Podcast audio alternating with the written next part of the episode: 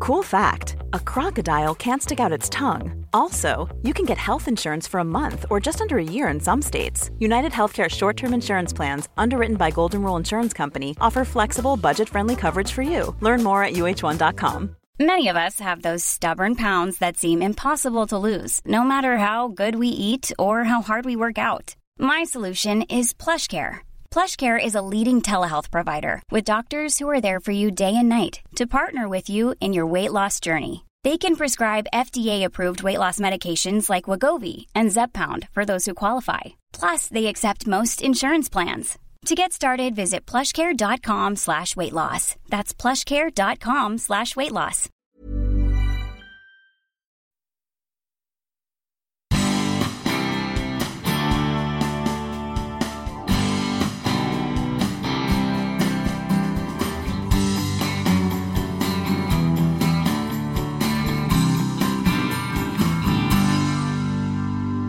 Och den, den situationen, alltså jag, jag, alltså jag stor, storbölar efter. Och det, än idag så kan det, är det jättejobbigt för mig egentligen att prata om det. Jag tänker tillbaka på det.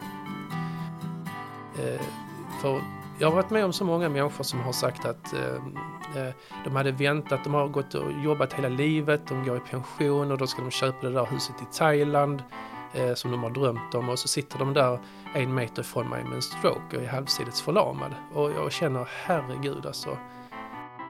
Så lätt heller kanske en människa du har levt med i 50 år som ligger på golvet, du är totalt sönderstressad och att du ska göra de här kontrollerna, det är inte lätt.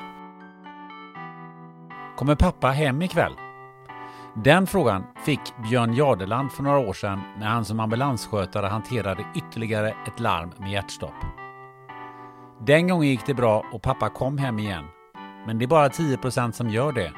Övriga avlider. Det fick Björn att börja fundera på hur han på bästa sätt skulle kunna bidra till att fler överlever. Han kom fram till att det var inte i ambulansen. I juni 2021 föll den danske fotbollsspelaren Christian Eriksson ihop under en EM-match.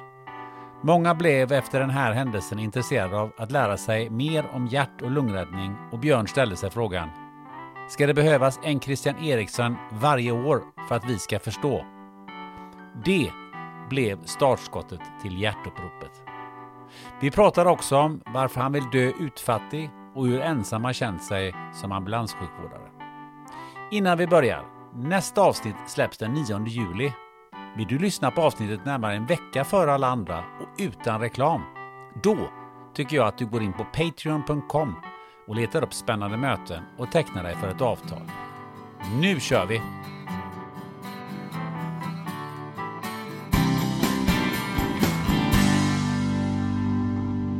Jo, innan vi eh, börjar så ska vi berätta att vi eh, sitter på Ackordscentralen i Malmö. Eh, det är ju poddens hem i södra Sverige och här har vi spelat in ett antal gånger. Så vi riktar ett extra tack till Peter Överman som är chef här på Malmökontoret och Mette Kullberg för en fin service. Vi har fått ett bra konferensrum och vi har fått vatten och vi har fått det vi behöver. Så nu ska vi gå över till väsentligheterna. Välkommen till eh, podden Spännande möten Björn Jardeland. Tack så hemskt mycket för att jag kom hit. Hur mår du idag? Eh, jag mår bra. Lite trött kanske efter mycket jobb den senaste tiden men annars är jag på hugget. Ja, vad är det för jobb du har gjort på senaste tiden? Nej, det är ju mycket med hjärtuppropet då som jag är engagerad i. Det är mycket jobb, mycket, mycket tankar, idéer som kommer. Mm. Så gäller det bara att sortera lite grann i det tankarna. Du kastar dig rakt på ämnet som vi eh, ska ägna en eh, stor del av idag. Eh, eh, ditt engagemang inom hjärtuppropet. Men eh, du är ju också ambulanssköterska, heter det va? Ja, ambulanssjuksköterska. Ja. Eller före detta skulle jag vilja säga. Före detta, ja. Mm. När satt du i en ambulans sist? Uh, ja, det är lite oklart för tiden har ju, det har gått. Uh, och jag, jag misstänker att det är någonstans, uh, det låter väldigt flummigt detta, men 2000 kanske 11, 12 någonstans. Så det, har, det är mina sista minne då av ambulansen. Men sen berättade du att du hade gjort något gästspel på, under covid-tiden. Ja men det har alltid varit så.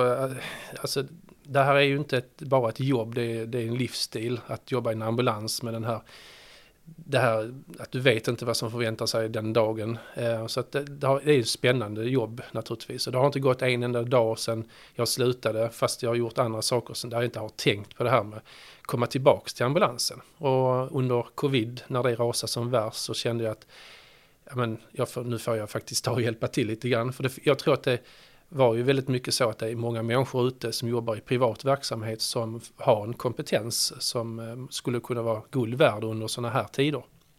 Så att jag gjorde ett eh, försök helt enkelt eh, att komma in i ambulansen igen och gick ett antal utbildningsdagar då som man behövde för att rosta av sig lite grann. Men gästspelade tyvärr inte så länge där innan jag flög bort igen helt enkelt. Vad kom det sig att du flög bort igen? Nej, det, jag insåg att det var inte riktigt samma yrke som jag kom tillbaka till också. Ehm, det hade skett väldigt stora förändringar i ambulanssjukvården. Ehm, och sen naturligtvis kommer man ju ihåg de här delarna också där man jobbade väldigt hårt. Ehm, väldigt långa arbetspass, ingen ledighet, knappt som man kan få äta eller någonting i, på raster och så. Så att det kommer tillbaka lite grann den där känslan att det var ju inte bra det där.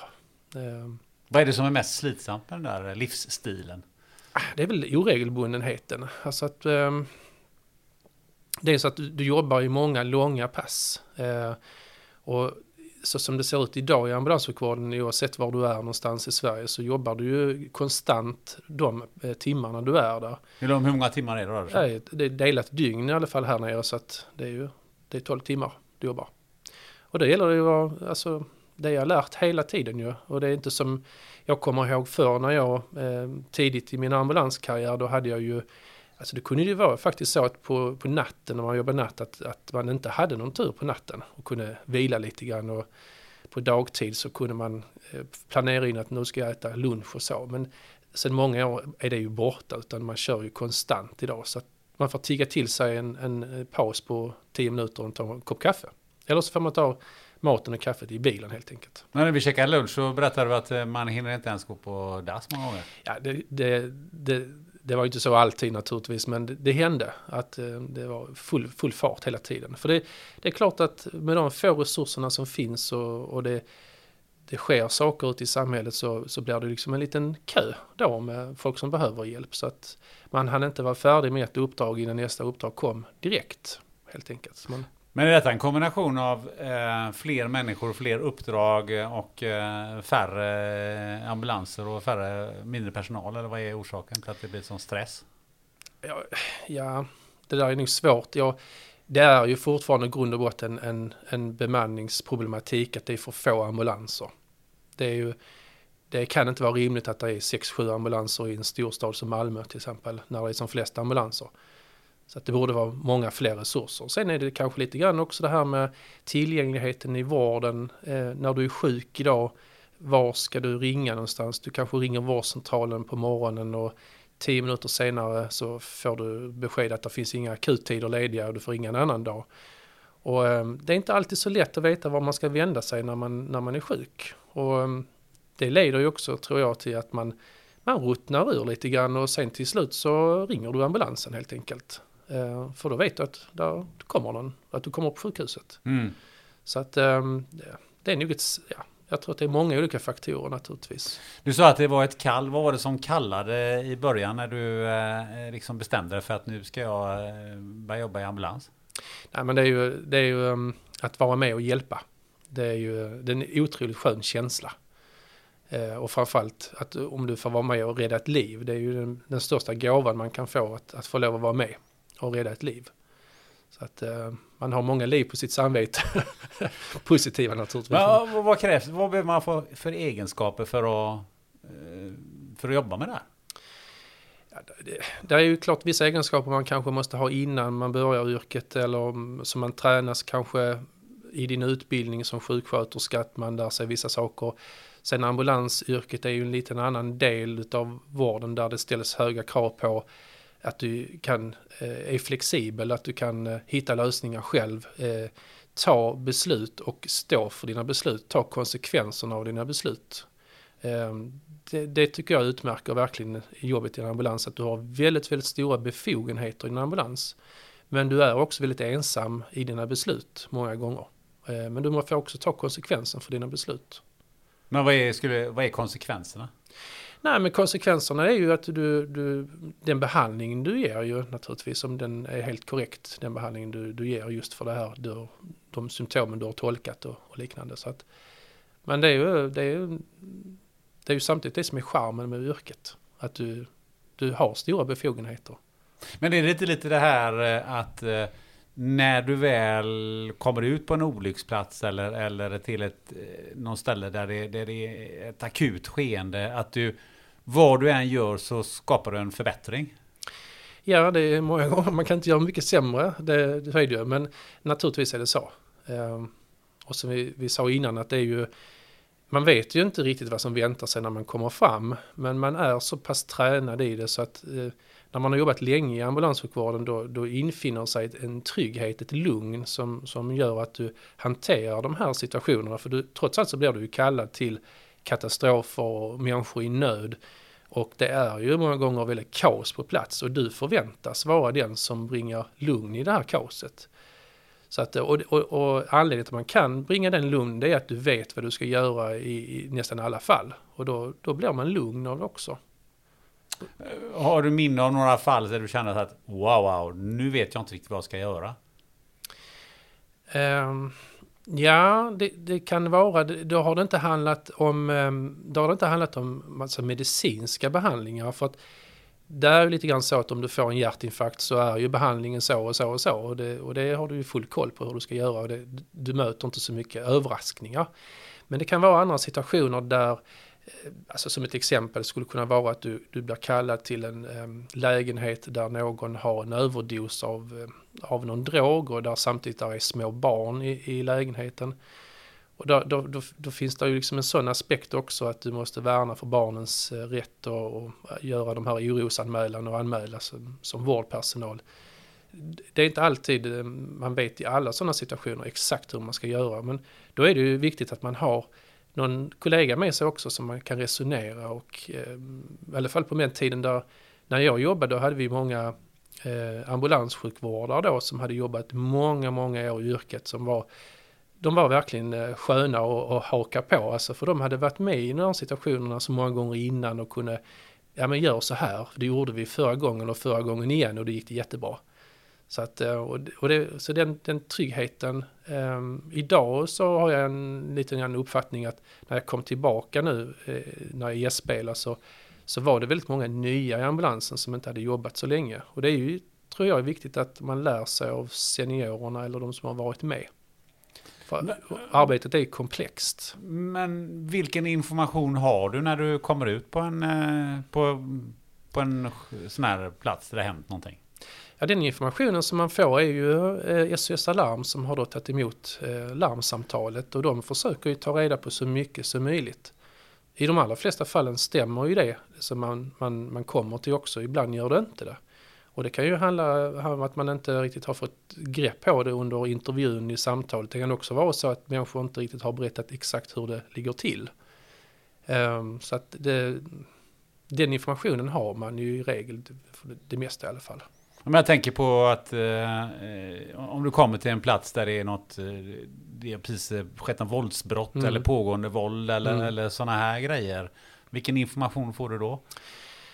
Man är, de är väldigt lyhörda i SOS Alarm när de gör intervjuerna just på sådana här frågor. För det, det, har, det är ju jätteviktigt det med vår egen säkerhet i det. Det ligger högst prioriterat. För oss nu pratar jag precis som jag jobbar i ambulansen, men det var ju viktigt naturligtvis och är viktigt för alla som jobbar att, att man själv kan komma hem på kvällen igen. Så SOS är ju ens eh, förlängda arm där, så det var ju väldigt viktigt att de gjorde en bra bedömning. Och det, det är min absoluta eh, ihågkomst att de gjorde, de allra flesta gångerna gick det, var det jättebra. De, var, de lyssnade lite grann på, förekommer det massa ljud i bakgrunden, är det liksom verkar det vara bråk på gång, men visst, kunde det handla om att man, man kom i våldssituationer eh, precis, eh, det kanske var så att gärningsmannen inte hade lämnat platsen.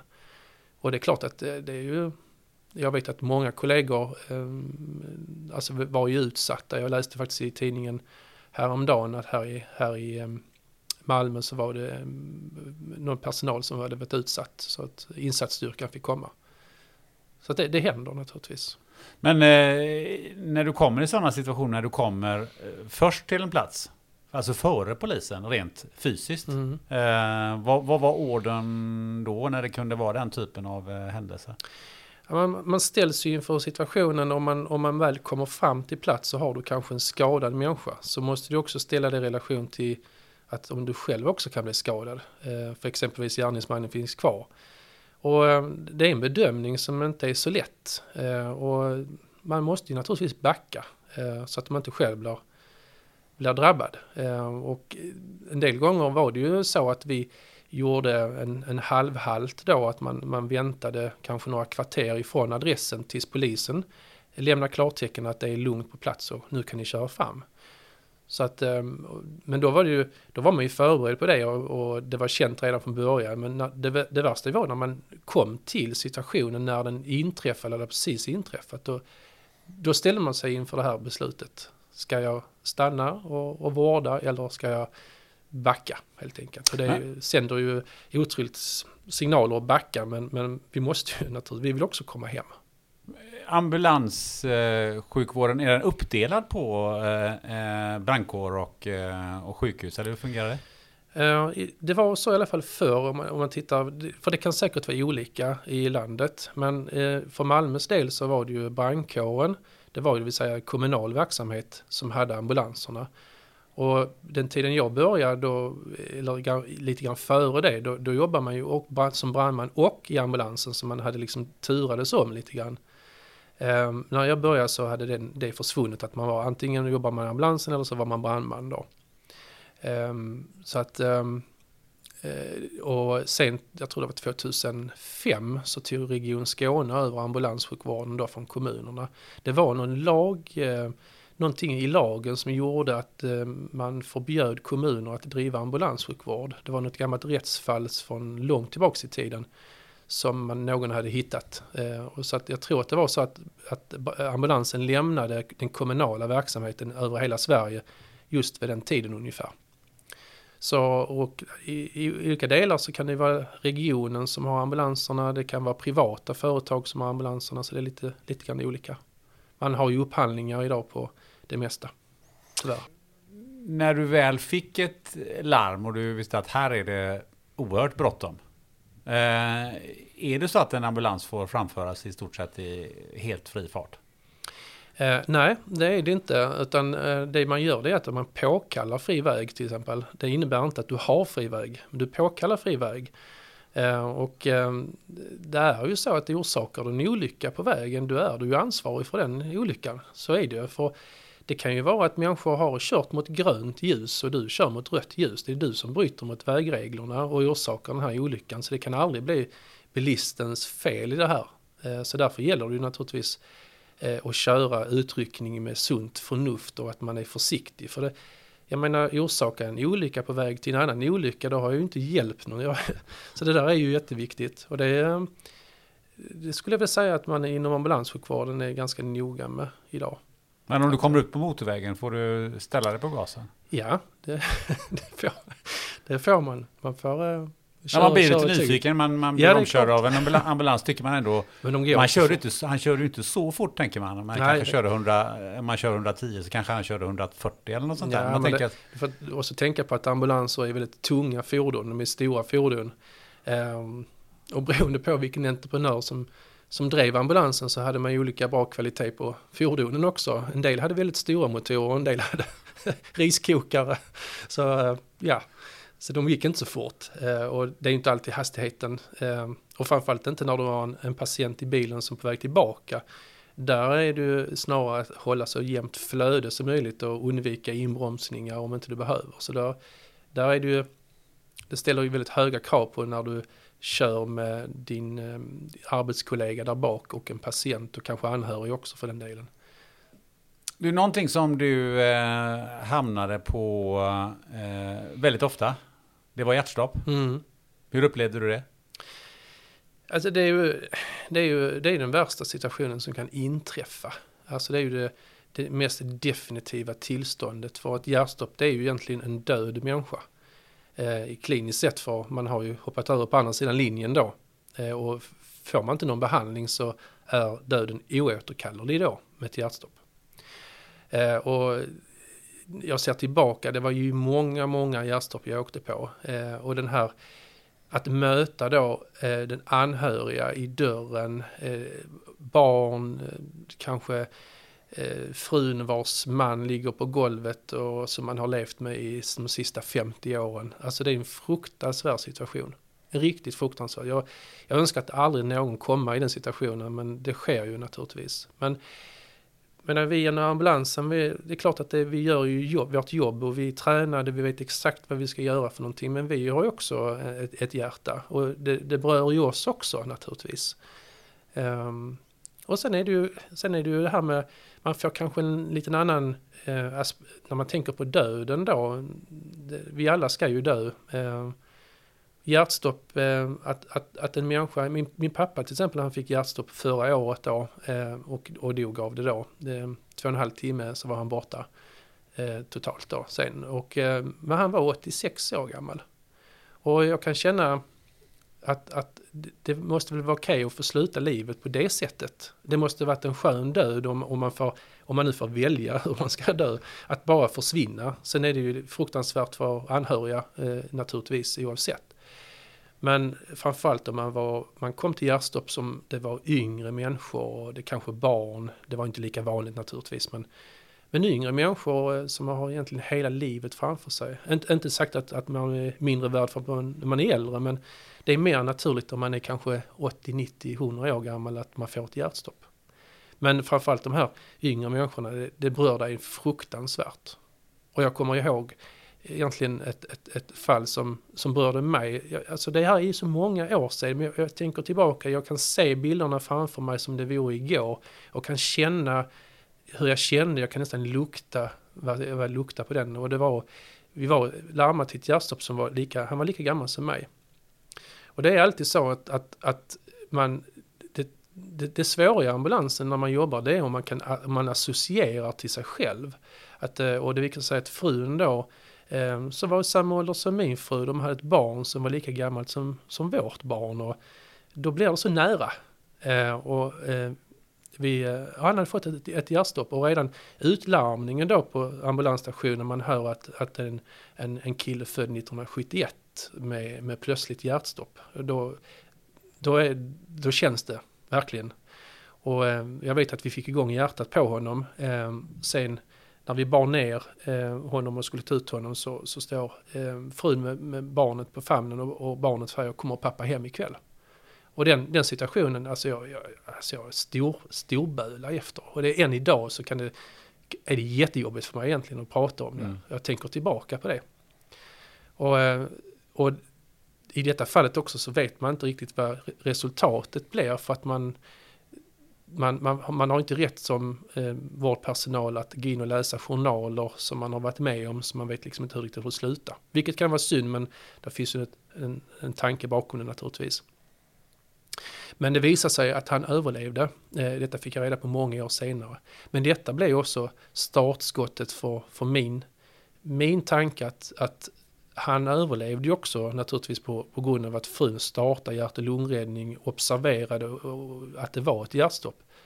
Eh, och det var då jag kände att, att den, här, den här kunskapen som vi har inom sjukvården, den, den kan vi dela med oss av. Och, och få människor att, att lära sig och kanske klara de där minuterna innan vi kommer på plats med väldigt få enkla hjälpmedel. Att, att, att just när det gäller hjärtstopp att det handlar om hjärt och lungräddning.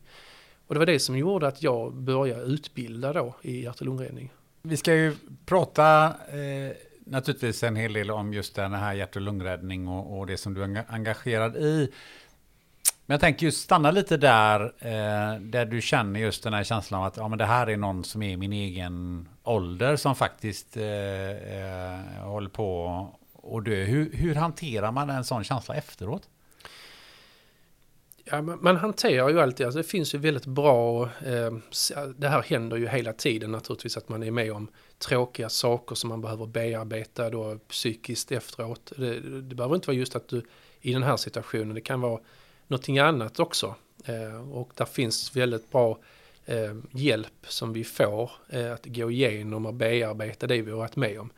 Eftersom det sker så ofta. Eh, och din kollega är ju också ett otroligt stöd att man Många gånger så räcker det att man pratar med varandra och, och går igenom lite grann hur gjorde vi, kunde vi gjort på ett annat sätt, eh, hur kände du, vad gjorde du? Och så kommer man vidare därifrån. Och ehm, det, det, gjorde jag också från det här fallet men någonstans så började jag känna och jag, jag har sagt det är kanske fel uttryck att säga att det är ett destruktivt arbete men man har varit med om så mycket saker som ligger i ens eh, ryggsäck där som jag kommer ihåg så väl så har man hanterat det, ja det har man väl kanske gjort men det finns där ändå. Sen behöver det inte vara att det är ont att man har den här erfarenheten av det men eller att det, att det är dumt men, men ja, ja, ehm, vissa saker finns där eh, som jag kan se tillbaka till och det, det är kanske en ett tiotal fall som jag aldrig i mitt liv kommer att glömma. Men det, ehm, man går vidare naturligtvis. Och det är ju alla som jobbar inom blåljusverksamhet blir ju utsatta för det här. Mm, men när kan sådana här eh, tankar så att säga dyka upp? För det blir någon sorts flashbacks eller någonting åt det hållet, misstänker jag. Ja. Ja, det kan det komma upp. Eh, ibland så kan det komma upp eh, i utbildningssituationer jag har med, eftersom jag håller på mycket med hjärt och lungräddning och första hjälpen. Då kan man komma tillbaka till det, vissa, vissa saker. Det, där, det är klart att det, med åren som går så blir det ju mindre och mindre minne av det. Men olika, det kan vara en plats jag kommer till som påminner mig om den platsen. Kan... Jag tänker på att lukter som du sa, det, ja. måste ju, det är ju ett väldigt starkt minne har jag förstått. Att ja, man kom, det, luktminnet. Ja, ja och det, det finns ju många eh, många lukter som man har blivit utsatt i många olika eh, akuta situationer som man verkligen kan eh, komma ihåg. Och, som inte ens vill gå in på helt enkelt. Men vad får man för relation till, till döden när man får se så mycket grejer? Ja, det, det, det är en intressant fråga för jag, den, för mig är det så här att jag, jag, eh, jag har sett så mycket död eh, och så mycket positiva saker också naturligtvis. Men jag har fått ett, eh, ett förhållande till livet ehm, att aldrig vänta med saker, att, att göra, att förverkliga dina drömmar Eh, och göra det där som, eh, för jag har varit med om så många människor som har sagt att eh, eh, de hade väntat, de har gått och jobbat hela livet, de går i pension och då ska de köpa det där huset i Thailand eh, som de har drömt om och så sitter de där en meter ifrån mig med en stroke och är halvsidigt förlamad. Och jag känner herregud alltså. Och jag vägrar bli bitter den dagen det sker mig någonting eller något för att, att, att jag har väntat göra. Så jag, jag, jag lever inte som vardag var den sista men, men jag, jag är rätt så duktig på att njuta faktiskt. Eh, och min, min familj också. Och jag har ju, jag åker mycket ner till Spanien och eh, det är mitt, min lilla oas i, i livet och det försöker jag göra så ofta jag bara kan. Så att jag, och jag brukar, jag brukar föreläsa och mässa med alla människor just om det här att vänta inte. Jag menar får du möjligheten du, du har, ta möjligheten. Vi, vi behöver inte göra allt när vi ska bli pensionärer. Utan lev, lev när man ska leva helt enkelt. Det, det, det, det är ganska så starkt för mig den, den biten. Som jag tror naturligtvis är helt kopplat till det, det jag har fått uppleva. Ja, ett bra budskap. Ja. Jag kan inte annat än att hålla med. Nej, men det gör väl alla, håller med om det. Men det handlar liksom just att, att många har drömmar. En del drömmar kanske vi aldrig ska... Eh, vi ska kanske inte förverkliga alla drömmar, men en del ska vi nog försöka förverkliga och, och hitta på nya drömmar helt enkelt. Nej, men det är ju många som kan hålla med om det eh, som du och jag just eh, håller med varandra om. Mm, ja. men, men det är inte kanske lika många som faktiskt omsätter det i, i praktiken. Nej, det är där skillnaden är. Jag tror att alla människor har ju drömmar och alla vill det ena och det andra. Men, men just att omsätta det. Och sen, det är klart att det, det finns olika förutsättningar också för att omsätta sina drömmar. Eh, jag är lyckligt lottad och kan vara i Spanien nu om det är min som var min dröm. Men det är kanske inte alla som har den möjligheten. Så att, men eh, drömmar behöver inte bara vara jättedrömmar, det kan ju vara en deldrömmar också, eller delmål man har i livet. Nej, det finns ju ett vardagsliv ja, som på något sätt ja, ändå. Ja, och verkligen också för sina, sina barns skull att, att liksom unna dem och hjälpa dem så mycket som, som det bara går. Och inte vänta till den dagen jag dör ska de få ärva mig. det där köper jag inte alltså. Du kör konstant, konstant ja, arv så att ja, säga? Ja men det, jag, jag, jag vill egentligen, om jag får välja så ska jag dö urfattig.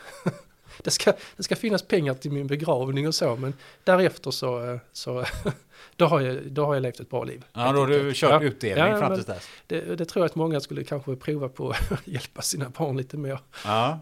Ja, det låter ju, låter ju väldigt sunt. Eh, men om vi går tillbaka till det här med hjärtstopp. Eh, ehm, vad är ett hjärtstopp? Det låter ju så enkelt. Det är klart att det är ett hjärt som, hjärta som har stoppat, men, men lite mera i detalj. Vad är, vad är det för någonting?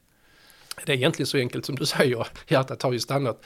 Men man kan ju säga att hjärtat eh, slår ju regelbundet hela tiden på så och vi behöver inte ens tänka på det. För det vore rätt jobbigt om vi skulle tänka på det.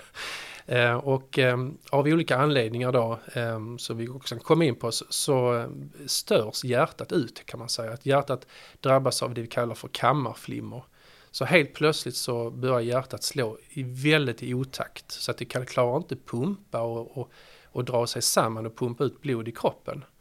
Och det här, ett hjärtstopp ser ju ut så att det är en människa som går och så bara rakt upp och ner kollapsar. Eh, och man såg som Christian Eriksen i i fotbollen som många satt och såg att han, han, han stöp ju bara rakt fram helt enkelt. Och det är så ett hjärtstopp ser ut.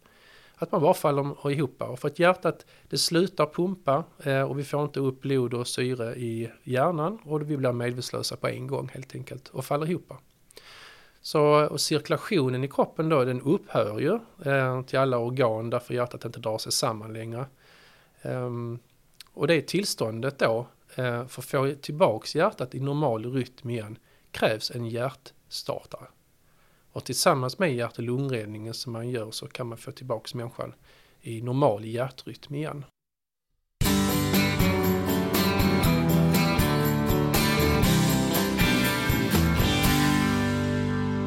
Väntar du eller någon i din närhet barn? Ja, då kanske ni har funderat på om det finns en sannolikhet att fostret har en kromosomavvikelse.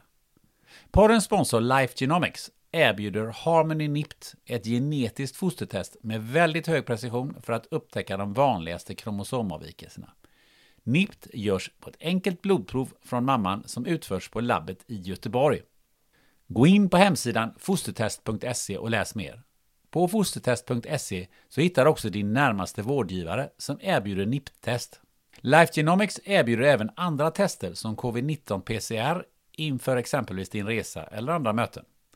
Dessutom erbjuder Life Genomics ett kvantitativt antikroppstest för covid-19 som påvisar aktuell immunstatus. Mer information hittar du på lifegenomics.se. Tack Life Genomics!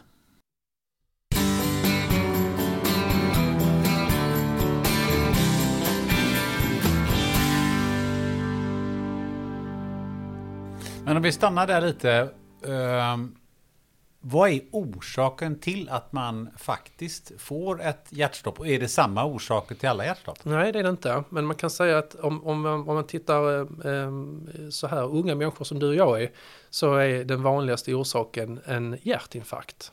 Så det är absolut den vanligaste orsaken till ett hjärtstopp. Så man, man ska inte förväxla hjärtinfarkt och hjärtstopp. För det är två skilda saker, men det som kan orsaka ett hjärtstopp är en hjärtinfarkt. Men det kan ju vara andra saker också om man tänker sig yngre människor. Eh, de får ju inte hjärtinfarkt när du är 20 år till exempel, det är ju jätteovanligt. Men det kan bero på drunkning, det kan bero på kvävning, eh, det kan bero på droger, det kan bero på eh, hjärtmuskelinflammation som vi ser en del då vältränade idrottspersoner då som drabbas av. Det kan vara medfödda hjärtfel som man har haft utan att man känner till det. Så det finns lite olika anledningar då, men man kan säga att i vuxen ålder och, och, eller yngre medelåldern så är det hjärtinfarkten som är boven i det hela helt enkelt. Så det går liksom inte, man kan inte förebygga hjärtstoppet, men man kan förebygga orsaken till hjärtstoppet som är hjärtinfarkt. Och hjärtinfarkten är ju att vi får en propp i kranskärlen i hjärtat.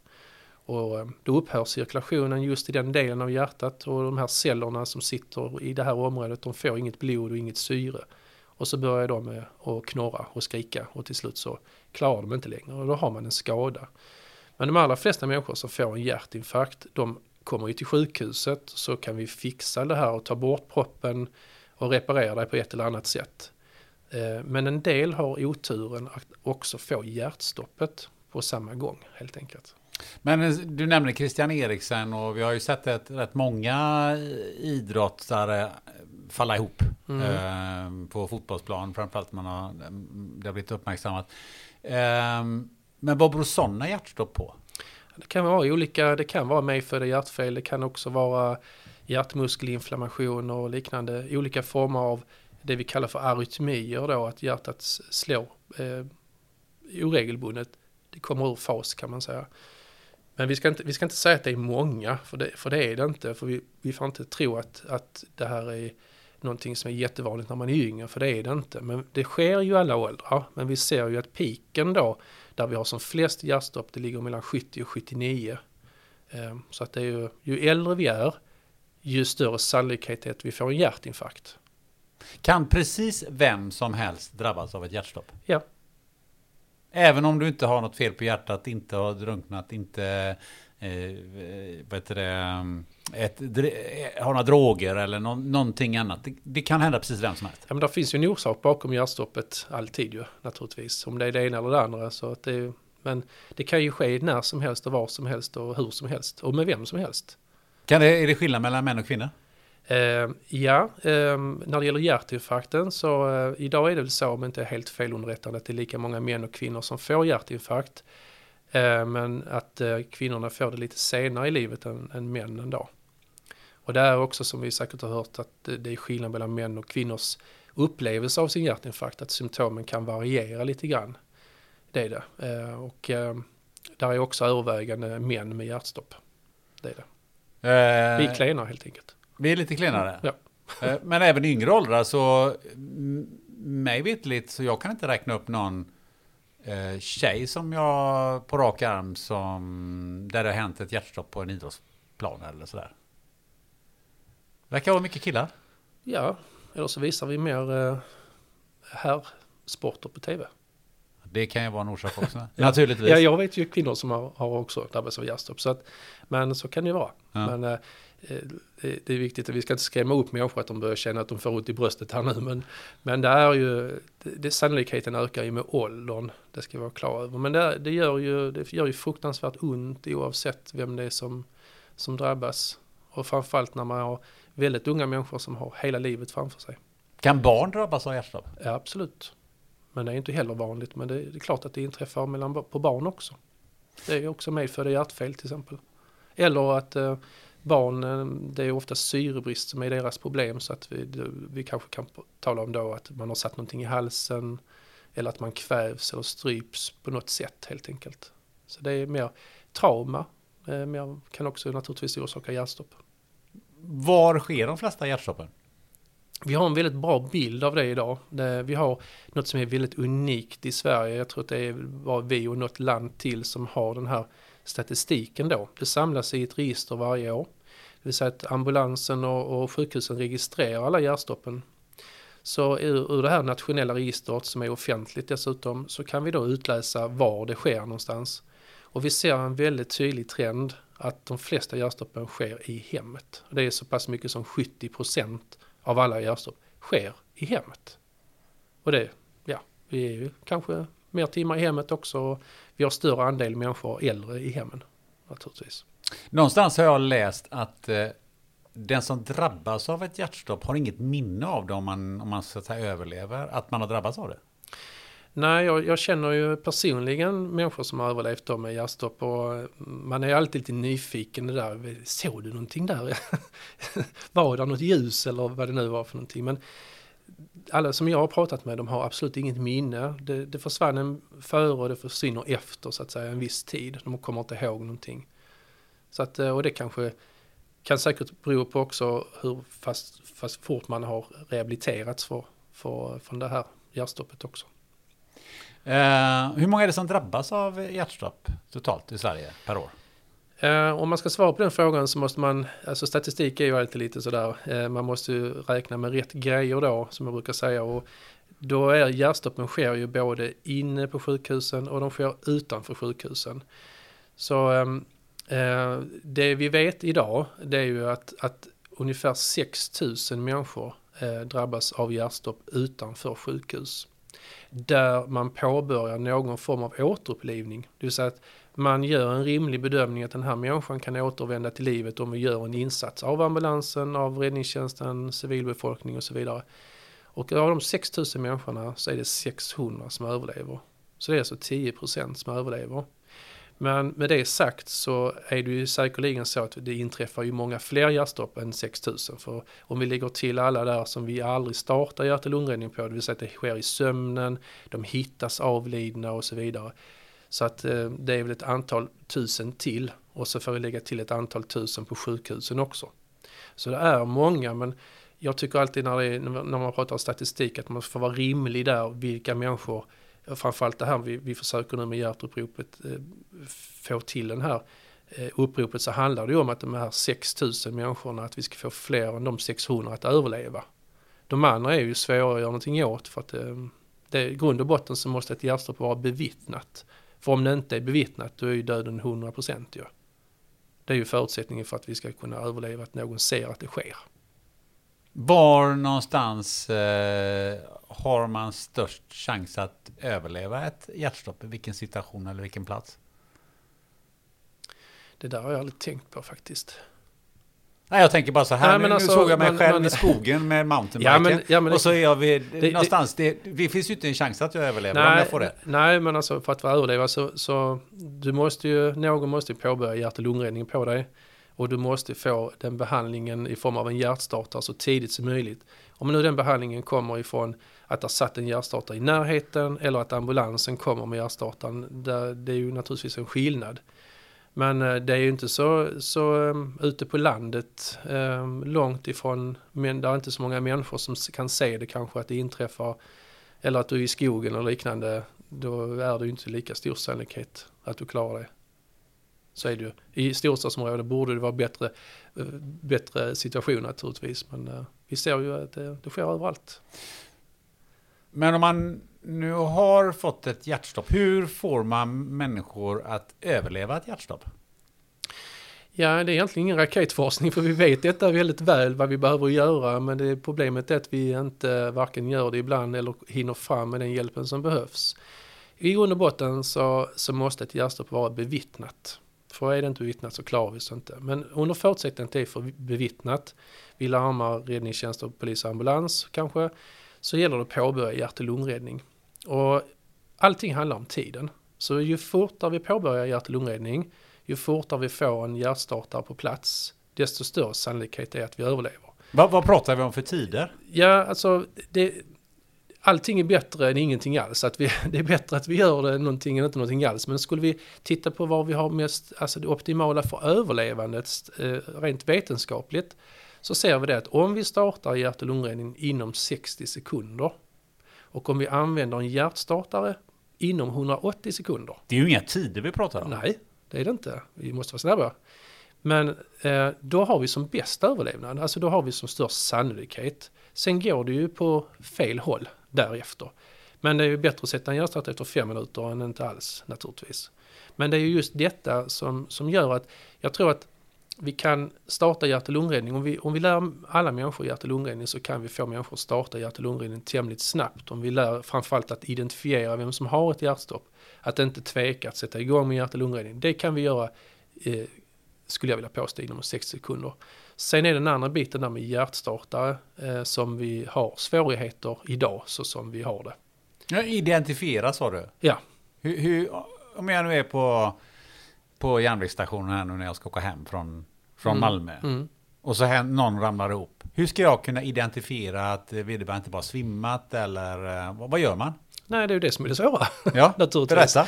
Eh, men man kan ju säga det att om du skulle göra helt fel, det vill säga att du, och då menar jag på fel på det här sättet att det visar sig att människan har svimmat och du börjar hjärt och lungräddning då på den här människan så lär du få veta det. Eh, det gör ju tämligen ont att få hjärt och lungräddning om du inte behöver det. Gör det ont? Ja, det är, om du är vaken eller att du, eh, även om du är medvetslös och sånt så kan du ju förnimma smärtan då när du rör ju dig. Men det har ju hänt att man har påbörjat hjärt och lungräddning på människor som inte har behövt det. Men ofta så reagerar de människorna väldigt kraftfullt på ett och sant och då slutar du. får du skylla på någon annan bara helt enkelt. Men det, med det sagt vill jag säga att det, det är bättre att göra en gång för mycket än en gång för lite. Men visst kan det vara en situation som är svår och det kan ju bero på eh, det kan bero på massa omständigheter såsom miljön till exempel. Eh, för att konstatera om någon har ett hjärtstopp idag, det är ju en människa som, som har kollapsat, som inte visar några livstecken. Och de livstecken eh, efter att man då har larmat 112 så kontrollerar man ju om man får någon, får någon kontakt med den här människan. Att man tar tag i dem och ruskar dem eh, och försöker få någon form av eh, rörelse eller något liknande. Och får man inte det, då kontrollerar man andningen på en person. Eh, och då får man först också göra fria luftvägar, det vill säga att man böjer bak huvudet då. Eh, och därefter lyssnar, känner, man använder sina sinnen. Så har du ingen andning då, och du inte observerar någon andning, eller att andningen låter otroligt konstig, långa oregelbundna andetag, då är det ett hjärtstopp och då startar du hjärt-lungräddning. Men om man då lägger till att det här sker exempelvis i november månad klockan nio på kvällen, du har en stor täckjacka på dig, det är mörkt ute. Det kan ju vara jättesvårt att avgöra om det är ett hjärtstopp. Eh, och då, då, är det, då är det bättre att påbörja om man är osäker. Så allt det där egentligen, jag brukar säga när jag utbildar att vi, vi, vi, eh, vi startar hjärt och lungräddning. Eh, är du osäker så är det starta hjärt och lungräddning som gäller alltså. Så det är egentligen bara om du är helt säker på att det inte är ett hjärtstopp som du låter bli. För då, då, då missar vi inte den. Sen är det naturligtvis eh, bra om vi kan vara lugna och, och kontrollera de här livstecknen då. Men, men jag vill påstå att det är, för professionella är det inte så svårt. Men det är inte så lätt heller kanske en människa du har levt med i 50 år som ligger på golvet. Du är totalt sönderstressad och att du ska göra de här kontrollerna. Det är inte lätt. Och sen, man får inte glömma att SOS Alarm också hjälper dig i, i, i dina kontroller. För när du ringer 112 så kommer de ju ställa ett antal frågor och de kommer ju fråga om personen andas. Och de kommer ju då också berätta för dig hur du ska göra för att kontrollera om de andas och sådär. Så man är aldrig helt ensam om man ringer 112. Men det kan vara svårt. Men är det det absolut första man ska göra, ringa 112? Ja, Eh, Innan det, man startar? Eh... Ja, eller under tiden. Man kan ju ha högtalartelefonen på eh, och kontrollera samtidigt. Men det allra bästa är om någon annan kan ringa 112 medan du kontrollerar till exempel.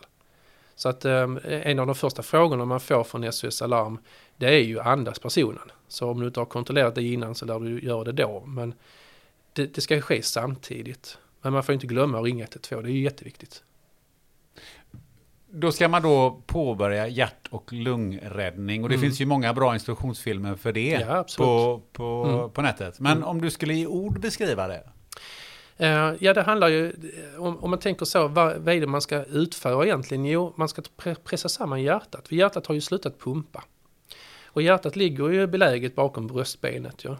Så på något sätt så ska du trycka ihop bröstkorgen så du trycker, trycker samman hjärtat så att hjärtat pumpar ut blod. Och när du tar upp händerna igen så kommer blodet tillbaka. Så det är ju en konstgjord cirkulation du ska uppnå då.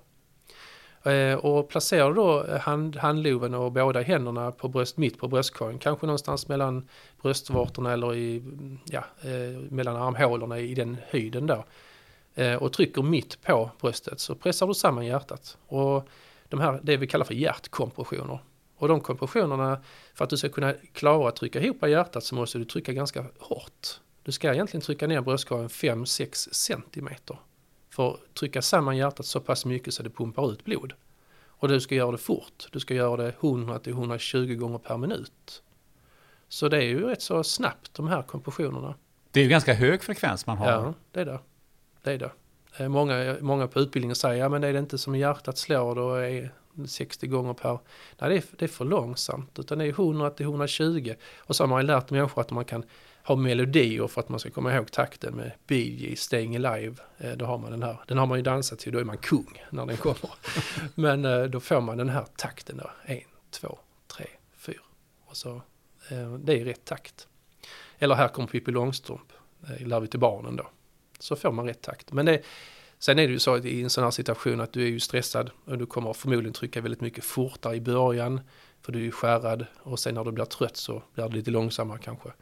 Men du trycker 30 sådana tryck på bröstkorgen, sen gör du två inblåsningar helt enkelt. Så att man alternerar tillförsel av syre och hjärtkompressioner. 30 tryck, två inblåsningar, 30 tryck, två inblåsningar. Så alternerar man så tills, tills ambulansen kommer eller att man får livstecken från den här personen. Men eh, vad är de vanligaste felen som man gör? Eh, det vanligaste felet är ju att man inte komprimerar tillräckligt hårt. För 5-6 cm på en bröstkorg i verkligheten, det är ju en, alltså en bröstkorg är väldigt stum att trycka på. Och det är ju svårt om inte du har gjort detta många gånger och veta att det du gör är tillräckligt, att du trycker tillräckligt djupt. För jag tror att alla har en inbyggd mekanism att vi, oh, vi skadar dem och vi trycker för, för hårt. Men man får inte glömma varför vi gör detta. Det är ju en, det är en person som är död som vi, vi kan faktiskt inte göra det sämre. Vi kan göra bara göra det bättre. Så att eh, det är ett vanligt fel. Eh, det andra felet vi ser vid inblåsningar det är ju att man tar i för mycket och nästan som det är en ballong man ska blåsa upp. Och då blåser man in för mycket luft i systemet och då riskerar man också få ner luften i magen vilket gör att tillsammans med maginnehåll så kommer det upp då. Så att det där är inblåsningarna eh, och det som jag tror att väldigt många när det gäller inblåsningar att man har lite det är lite läskigt där. Det är en främmande människa vi kanske ska sätta ner munnen över. Det kan vara kräk, blod, slem. Det är inte, man är inte sådär sugen kanske på det. Och det är en del människor som bara gör det utan att reagera. Eh, men en del människor reagerar på det och faktiskt inte gör någonting alls. Och då har vi ju sagt så att det, är det bästa för överlevnaden är om du kan komprimera och göra inblåsningarna. Men är det så att du kommer i en sån situation och du absolut känner att du kan inte göra, du vet inte hur det går till med de där inblåsningarna och du tycker att det, jag vill verkligen inte. Då är det bättre att hoppa över det momentet och bara komprimera istället. Eh, men det bästa är att göra både och. Och det är framförallt jätteviktigt för barn och drunknade att vi gör de här inblåsningarna. Superviktigt. Så vi har ju lite problem om vi skulle säga till människor så här att ja men ni behöver inte blåsa men i de, i de här två fallen är det viktigt. Då, då glömmer man i regel det när det gäller. Så att man har inte ändrat på riktlinjerna utan det är 30 kompressioner och två inblåsningar som man gör. På riktigt gamla människor har jag förstått att man inte gör det här. Mina föräldrar är 95.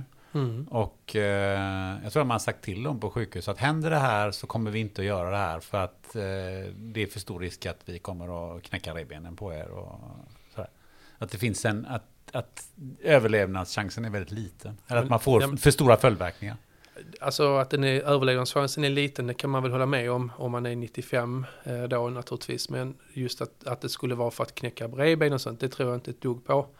Utan det handlar ju mer om att man kanske har gjort ett ställningstagande då som människa att om jag nu eh, kommer i en sån situation att jag vill inte att ni återupplivar. Och förr var det ju väldigt vanligt på människor som man tog in på sjukhem och liknande att det fanns i journalen antecknat att eh, noll hål är, det vill säga att man händer det att vi måste göra återupplivning så kommer vi inte göra det.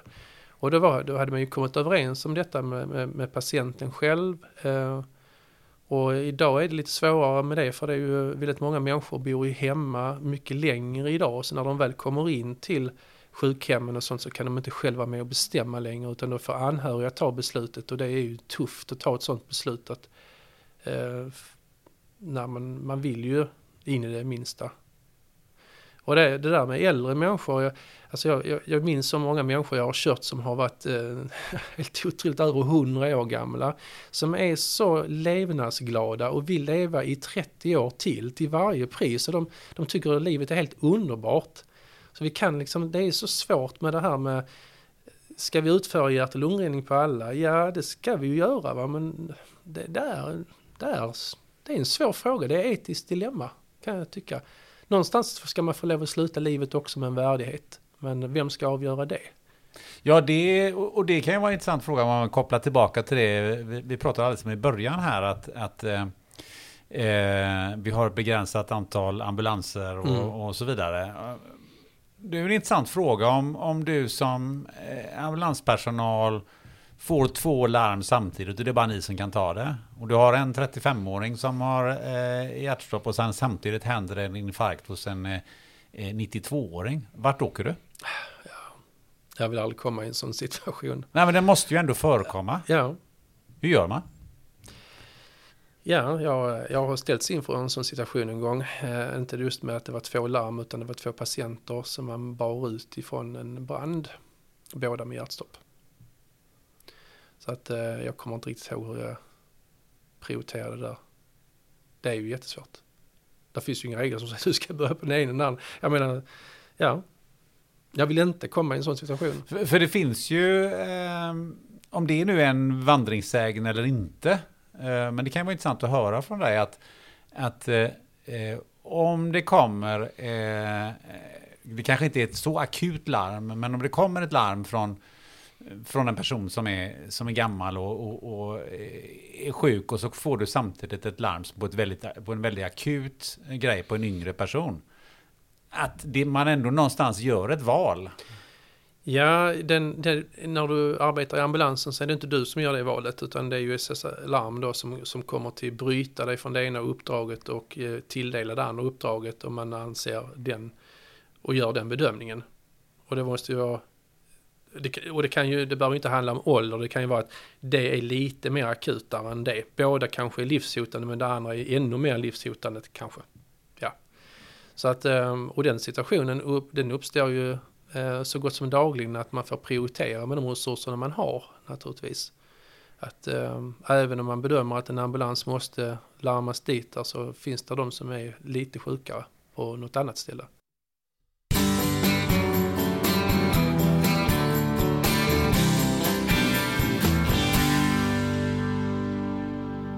Den här podden sponsras av Life Genomics, ett kliniskt laboratorium i Göteborg som bland annat erbjuder covid-tester. Har du precis bokat en resa på kort varsel och behöver PCR eller antigentest för covid-19? Ja, då kan du gå in på coronapassport.se för att hitta en vårdgivare i din närhet och boka en tid för test och friskhetsintyg. Life Genomics har samarbete med kliniker över hela Sverige. Om du reser från Arlanda eller Landvetter så kan du även testa dig direkt på flygplatsen vid Life Genomics Lab i samarbete med vårdgivaren Express Care.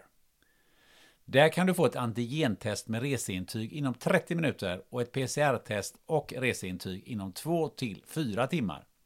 Gå bara in på expresscare.se och boka din tid direkt. Tack Life Genomics!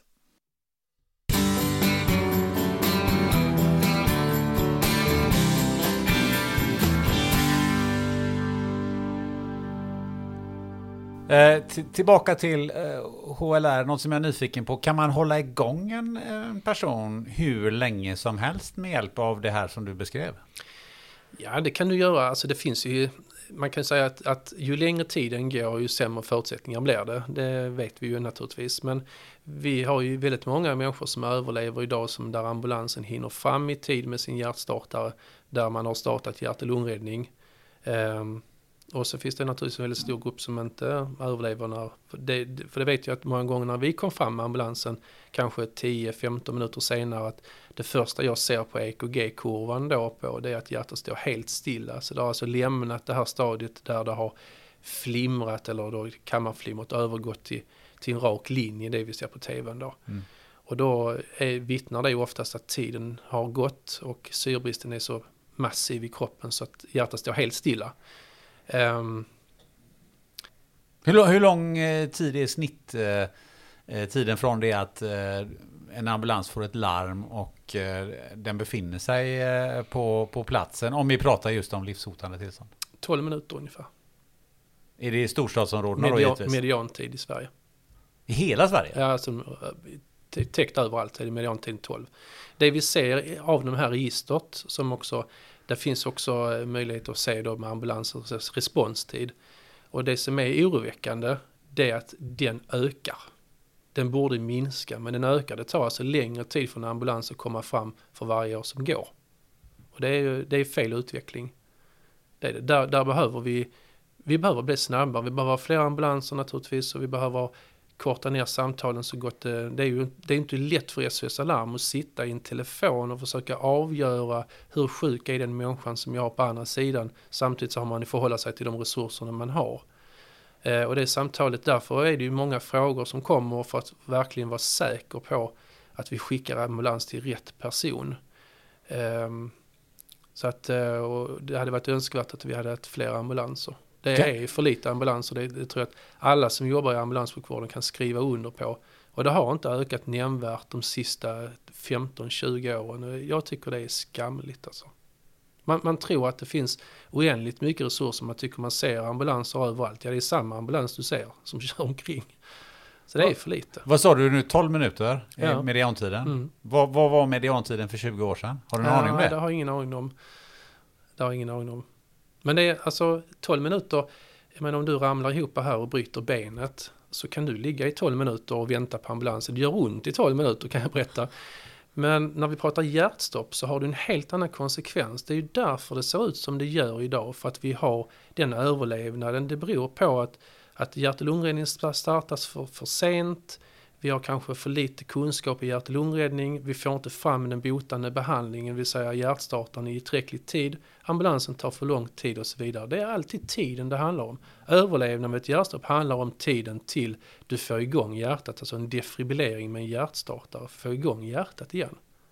Nu har du nämnt ordet hjärtstartare Mm. rätt många gånger. Mm. Och eh, jag ska erkänna det att jag har väldigt dålig koll på vad en hjärtstartare är och hur den fungerar eh, innan jag börjar göra research för den här eh, intervjun. Ehm, vad, vad är en hjärtstartare?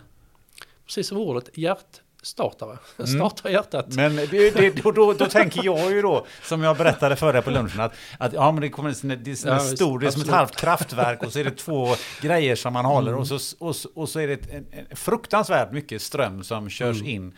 Och så kan det bara hanteras av människor som verkligen kan göra det, annars så kan du mer eller mindre döda den här personen. Mm. Det är ju inte helt fel det du säger för den första hjärtstartaren vägde 75 kilo och drevs av två bilbatteri. Så jag är glad att inte jobba i ambulansen på den tiden. Men de har ju blivit så behändiga idag.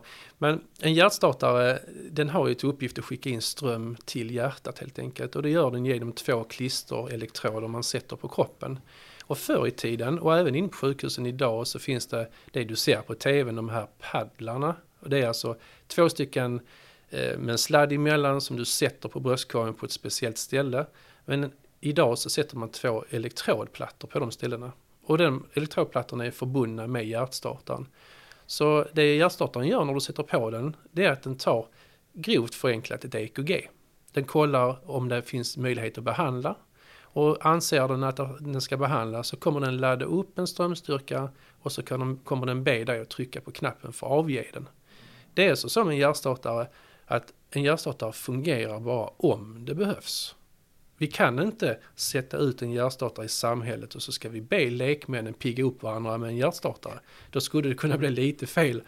Utan en hjärtstartare, var du än kommer i hela världen så kan du hantera den. För kan du bara en så kan du alla. Alla fungerar på samma sätt. Och alla fungerar på det sättet också att du har ingen valmöjlighet utan maskinen tolkar, maskinen avgör och den enda den vill ha din hjälp med det är att trycka på en knapp helt enkelt. Så hjärtstartaren det är den lätta biten i, i hela den här situationen. Men eftersom människor då tänker på de här tv-serierna att det här är något jätteläskigt, vi ska skicka ström i det, det kan gå hur fel som helst. Så är de ju så konstruerade idag att den fungerar bara om, om, om det behövs. Och det är den informationen som jag kan känna efter alla dessa år att vi inte har fått ut. För jag tror att om det är så att du får träna med en hjärtstartare så blir du ju tryggare att använda den. Men jag tror att väldigt många människor hade vågat använda en hjärtstartare om jag berättar för dem Eh, att den, den är självinstruerande. Startar du på den gröna knappen så börjar den tala till dig och den berättar exakt vad du ska göra. Och gör du inte som du ska göra så tjatar den på dig tills du har gjort som du ska göra. Det är precis som hemma ungefär. Och sen om den, den anser att du ska ge en strömstöt så kommer den ladda upp och, och be dig trycka på knappen. Och det finns hjärtstartare idag som inte har knappen utan den säger till dig avlägsna dig, chock rekommenderas och så 3, 2, 1, pang. Så du, du har ingenting att säga till om själv. Så att en hjärtstartare den är till för att sätta hjärtat i, igång hjärtat igen. Så överlevnaden av plötsligt hjärtstopp idag det är att, att starta hjärt och lungräddning och få dit hjärtstartaren och använda den så fort det bara går. Det är de två sakerna ihop som gör överlevnaden. Om vi inte har hjärtstartaren, då har vi det som vi har det idag kan man säga. Därför det vanligaste är att någon startar hjärt och lungräddning, vi ringer ambulansen, de kommer på platsen med sin hjärtstartare och den tiden som har förflutit där är för lång. Så egentligen det vi vill, det är ju, det är att ta behandlingen från, från ambulansen och sätta i händerna på de människorna som finns på plats. Så vi kommer naturligtvis med ambulansen, men man kan göra samma behandling som vi hade gjort, men göra det direkt. Det är där skillnaden ligger. Men är det så här då att jag startar eh, hjärt och lungräddning så som du har beskrivit den och så är det någon som får fram en sån här hjärtstartare Mm. och så eh, kör man igång den Japp. och sen så ser man, eh, jaha, nu är du up and running, nu behöver jag inte göra något mer. Eller hur, vad, är, vad, vad, vad ska resultatet vara av det jag gör där? Eh, ja, de sätter sig upp och bjuder hem på Löfbergs Lila. Nej, det är inte lite grann som, för där har man, man ser lite grann på tvn då, de här, eh, så vaknar de till och hostar lite grann. Det är inte riktigt så det funkar, men jag brukar säga att ju kortare tid man har varit nere i träsket, ju fortare kommer man upp från träsket också. Så är det så att man har en hjärtstartare till hands och använder den innan ambulansen kommer, så, och har man då lyckats så brukar man få en livstecken från den här människan. Det, är inte så att de sätter sig upp och bjuder hem på kaffe, men det kan vara att de vaknar till och kanske, kanske lite agiterade och liksom, liksom, de är inte med naturligtvis, de, räknar inte multiplikationstabellen just då i alla fall. Utan de är förvirrade, men du ser, du har ju fått liv i dem. Ifrån att de har legat helt stilla eh, och inte haft ett livstecken till de visar livstecken. Det där är ju en otrolig vinst. Sen är ju hjärnan helt otrolig, för det är ju den som tar skada. Att den, det, den, behöver sin tid på sig och, och komma tillbaka igen. Och så några dagar, några veckor senare så är man i fight igen helt enkelt. Men om jag nu inte får igång på första starten, är det bara att köra på igen? Eller vad gör jag då? Hjärtstartaren kommer att analysera varannan minut. Så efter två minuter så kommer den säga till igen, avbryt din HLR, hjärt och lungräddning. Analys pågår, så analyserar den igen. Ska du ge en ny chock? Bestämmer hjärtstartaren, då laddar den upp igen och du avgör en chock. Så kan du hålla på i evigheter, hållit jag på att säga. De flesta hjärtstartarna klarar ju 100 elchocker. Det, är- ja, det är extremt mycket. Eh, En, två brukar vara normalt eh, i de flesta hjärtstoppen som jag har varit med på. Så att ehm, följ instruktionerna. Får man nästan alltid igång hjärtat om man använder eh, hjärtstartaren? Nej, det är inte så alltid. Men du ökar ju sannolikheten avsevärt. Men det gäller ju, det gäller ju att få hjärtstartaren till platsen så fort som möjligt. Jag menar, vi, när vi sätter på eh, vår hjärtstartare, då hittar vi den här hjärtrytmen i ambulansen som är den här raka linjen och då går det inte att använda hjärtstartaren. Det finns ingen, ingen idé att starta om hjärtat för det står helt stilla utan då, då gör vi, fortsätter vi med hjärt och lungräddningen. Vi har en, en apparat vi använder som heter Lukas som man sätter på bröstkorgen och vi ger läkemedel också. För det vi vill på något sätt är att få tillbaka ett sånt här flimmer igen så att vi, vi kan behandla det med en hjärtstartare. Men det är inte så många gånger det har lyckats tyvärr. Utan vi måste fånga det här flimmret när det finns där och det finns där i regel innan ambulansen har kommit fram. Så behandlingen måste till eh, där det sker. Och det är detta vi i hjärtuppropet vi, vi strävar och försöker uppmana folk att utbilda er, se till så att man har en hjärtstartare i närheten och framförallt de hjärtstartarna vi har, att de är tillgängliga. Ja, hjärtuppropet då. Eh, här är, får du ge oss eh, bakgrunden till eh, eh, vad är hjärtuppropet och hur kommer det sig att det startades? Ja, det, det, min, jag, jag har tänkt i många, många år. Jag har ju utbildat så många år eh, och eh, det jag slås eh, när jag står inför de här utbildningarna, för en av de första frågorna jag ställer det är, har du gått en utbildning i hjärt och tidigare? Och det är väldigt många som säger, ja men det har jag gått, det var tio år sedan. Eller jag gjorde det i militären och så var det, är man då 50 år så var det ju ett tag sedan. Eller så har man inte gått alls, eller ehm, ja, det kan vara lite olika. Eh, så det är inte så många som har gått på senare tid och repeterar detta, utan man har kanske gjort det någon gång. Och när man börjar prata om hjärtstartaren, då börjar det krypa i skinnet på folk. För då tänker de precis som det du tänkte, de här grejerna. Ska jag göra detta? Jag kommer ju ta död på dem. Det är ju ungefär den tanken man har. Ehm, så att eh, det är det vanliga, man, att det är så. Och så har jag gått och funderat i många år på det här, liksom, hur, hur ska man kunna få människor liksom, att repetera ofta så att man känner att man kan det. Eh, och så sker det där som vi alla, eh, eller i alla fall många så, 1,2 miljarder sitter på tvn och käkar popcorn och de ser Christian Eriksson under fotbollsmatchen där mot Finland eh, ramla ihop i, i plötsligt hjärtstopp. Och ehm, man filmar ju detta hela tiden. Så, så folk, jag tror att väldigt många människor reagerade och kände att det här är en ung, frisk, vältränad människa. Hur kan detta hända? Och det kan hända mig också.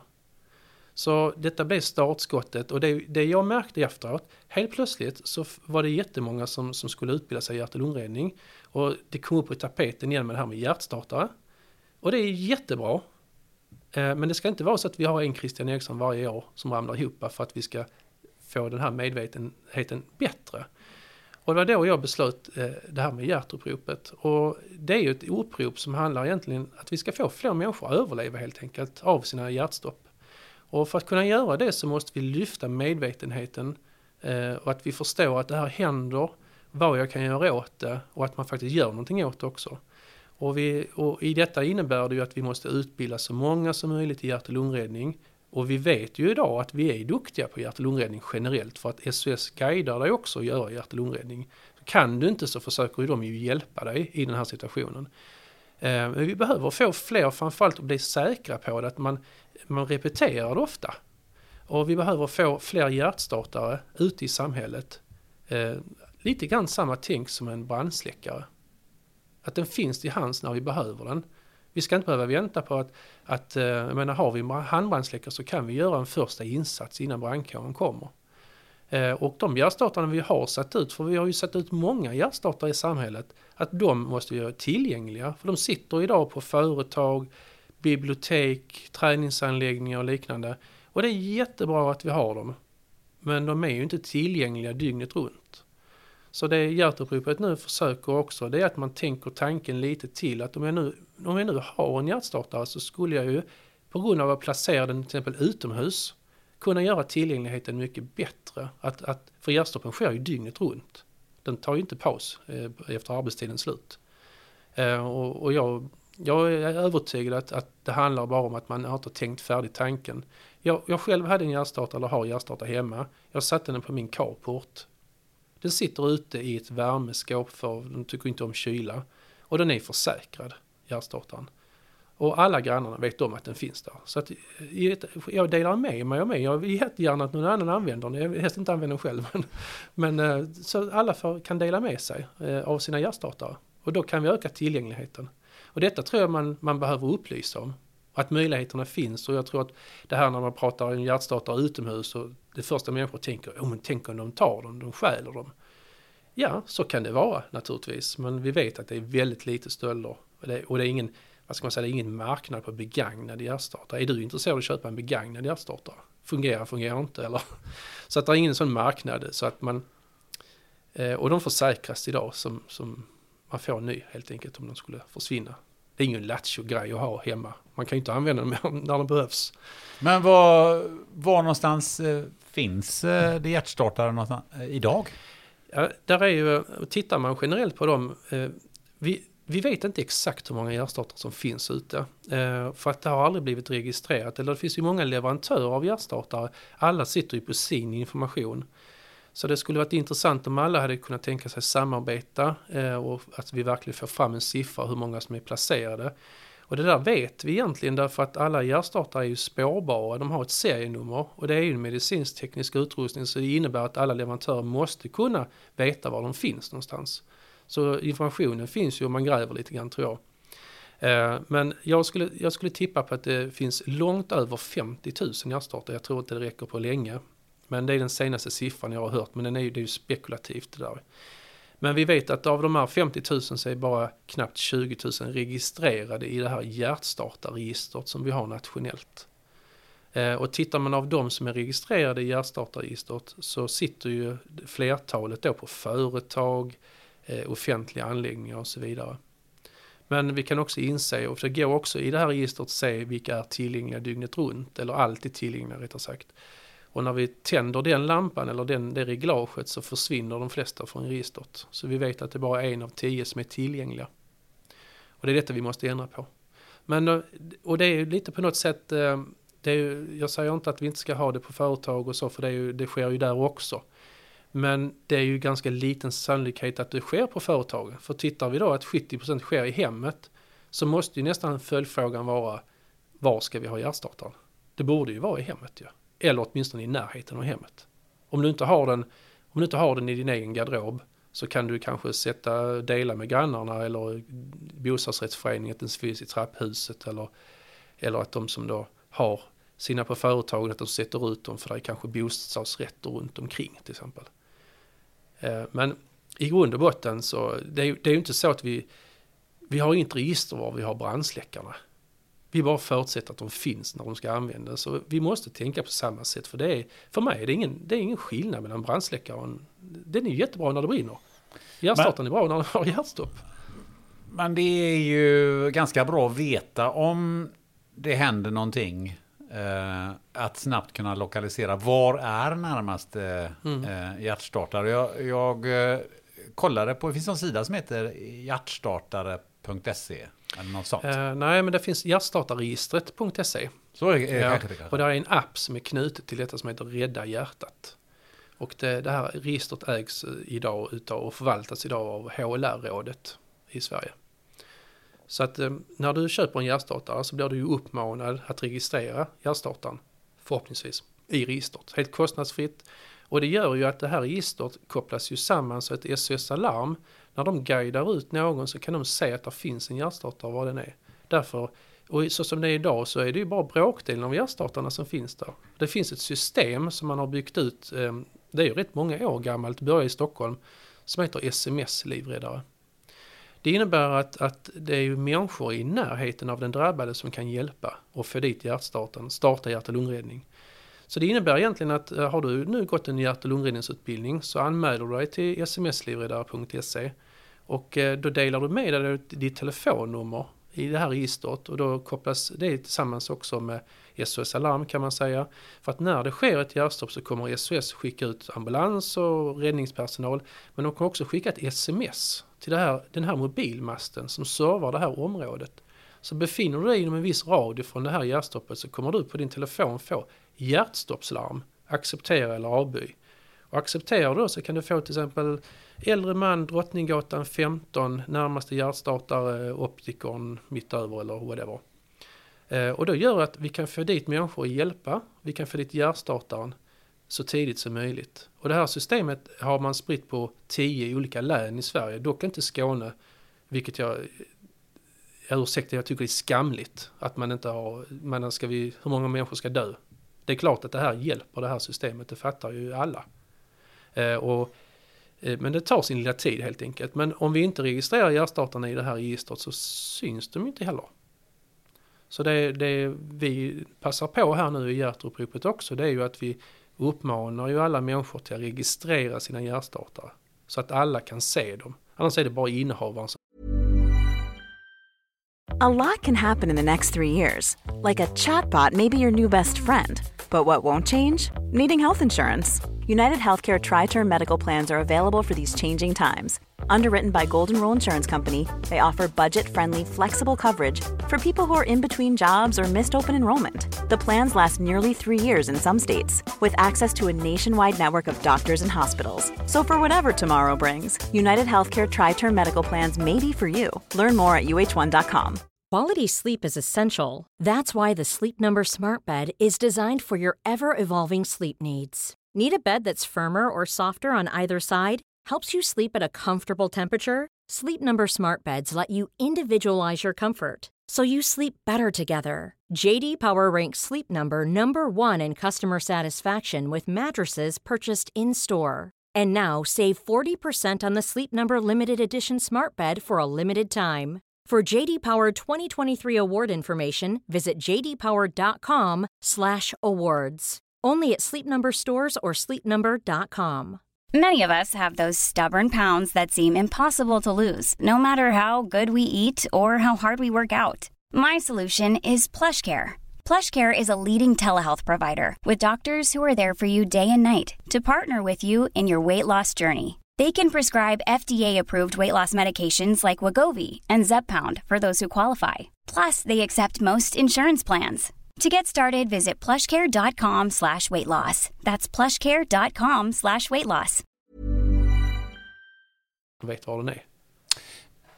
Om du säger så här att det ändå finns 50 000 minst, minst mm. utplacerade. Då funderar jag på så här. Eh, hur många skulle du uppskatta som tänker, ah, hjärtstartare, om det är någon som ramlar ihop på, på gatan eller hemma eller så. Jag kan säga så här, jag hade inte tänkt hjärtstartare, jag hade tänkt HLR möjligen. mm. Och eftersom jag inte Mm. har gjort det på 40 år eller hur lång tid det nu är. eh, Så hade jag känt mig ganska handfallen. Och jag Mm. tror inte att jag är ensam i Sverige om det. Nej, så är det ju och, och det är ju därför det är viktigt med de här utbildningarna. För i utbildningen till i hjärt och lungräddning så är ju hjärtstartare med. Du tränar idag hjärt och lungräddning med hjärtstartare. Eh, och det finns inga utbildningar idag där du bara tränar HLR. Utan hjärtstartarna är en, ett komplement i detta här. Och det är, så man försöker ju via utbildningsinsatser få människor att förstå att de här grejerna hänger ihop. Men det är, det är ett utbildningsbehov ju. Och det är ju detta här nu som jag kommer att driva stenhårt eh, i hjärtuppropet att vi får eh, skolorna engagerade i detta. För jag tror att, att ska vi nå en, eh, i vår framtid, vi kanske inte kan förändra detta nu, men ska vi få någon, någon ändring i framtiden så måste vi också påverka de som är vår framtid och det är våra barn och ungdomar.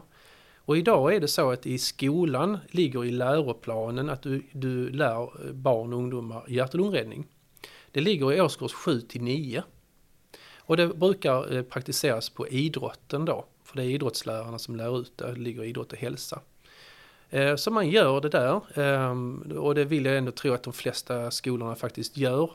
Eh, men jag vet att det finns svårigheter idag i detta på grund av att man saknar utrustning för att göra det. För det är lite grann så att idrottsläraren, är oftast det minsta facket på skolan. De får en påse pengar av rektorn som ska räcka till bollar, nät och, och där ryms inte HLR-dockor i den budgeten tror jag.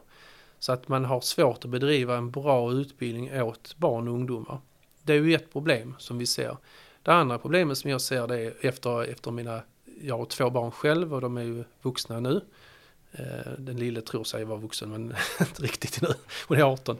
Men eh, de kom ju till, de kom ju till mig när de skulle ha HLR i, i skolan och jag följde med dem på utbildningen där och eh, idrottsläraren var inte riktigt bekväm i det men jag var med och så jag, jag ringar ju in de här problemen då med utrustning och, och liknande. Men varför börjar man i årskurs 7 till 9? Tror man att inte barnen klarar detta i yngre ålder? Hur ung kan man vara för att lära sig? Ja, alltså jag skulle vilja säga att med jättebra effekt, åtminstone från 4 till 6. Man delar in i 1 till 3, 4 till 6 och så vidare. Så att om man då lär barnen i årskurs 4 eh, hjärt och lungräddning med hjärtstartare och dessutom gör detta varje år. De är i skolan för att lära sig, de är nyfikna och slänger du en hjärtstartare till dem, teknisk utrustning, de klarar det bättre än vad vi gör det. Alltså ungar idag är ju helt fantastiska med tekniken och de tycker det är roligt naturligtvis. Och det, det vi får då det är att vi har börjat i årskurs 4, när de går ut i nian så har de gjort det x antal gånger eh, varje år. De kommer ut i arbetslivet, de kan detta, de ställer krav på sin omgivning, att det finns utbildningar, att det finns hjärtstarter och så vidare. Jag tror att vi måste börja i den änden då. Men, men här måste vi hjälpa skolorna. Hur, hur många skolor har ens hjärtstartare hos sig? Det, det har jag egentligen ingen uppfattning om, men jag skulle, jag skulle nog tro att det är fler skolor som inte har hjärtstartare än, än som har. Och framförallt är det ju så att man, eh, är det skolor så tror jag att du hittar dem på högstadieskolorna, inte på lågstadie och, och mellanstadie. Och det är ju, jag, jag har suttit många diskussioner med rektorer och just om det här om man säger, ja men barn får inte hjärtstopp. Nej, det är väl rimligt att det inte är så, men det är väl en arbetsplats också. Så att det ska ju finnas egentligen på skolan också. Men framförallt det ska sitta på utsidan på skolan. För alla skolor ligger i närheten av bostäder som skulle vara hjälpta av den hjärtstartaren. Men om du skulle säga så här, eh, ehm, var ska det finnas en hjärtstartare? Ska du ha ett, en hjärtstartare i, i varje hem och varje bil? Det hade varit det absolut optimala. Annars behöver vi inte ha brandsläckaren heller ju. Men vi når kanske inte dit där på många år nu. Det är, det, det är ju detta som är problemet som jag ser. Dels är de, kostar de för mycket hjärtstartarna fortfarande. Vad kostar de? Ska du köpa en hjärtstartare så ligger de mellan 10 och 15 000. Det är rätt mycket pengar.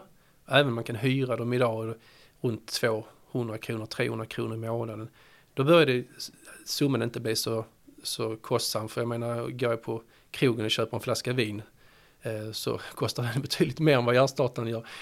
Men jag tror inte det handlar om pengar. Jag tror det handlar om att man, eh, man kanske inte har kunskapen om att man behöver en hjärtstartare.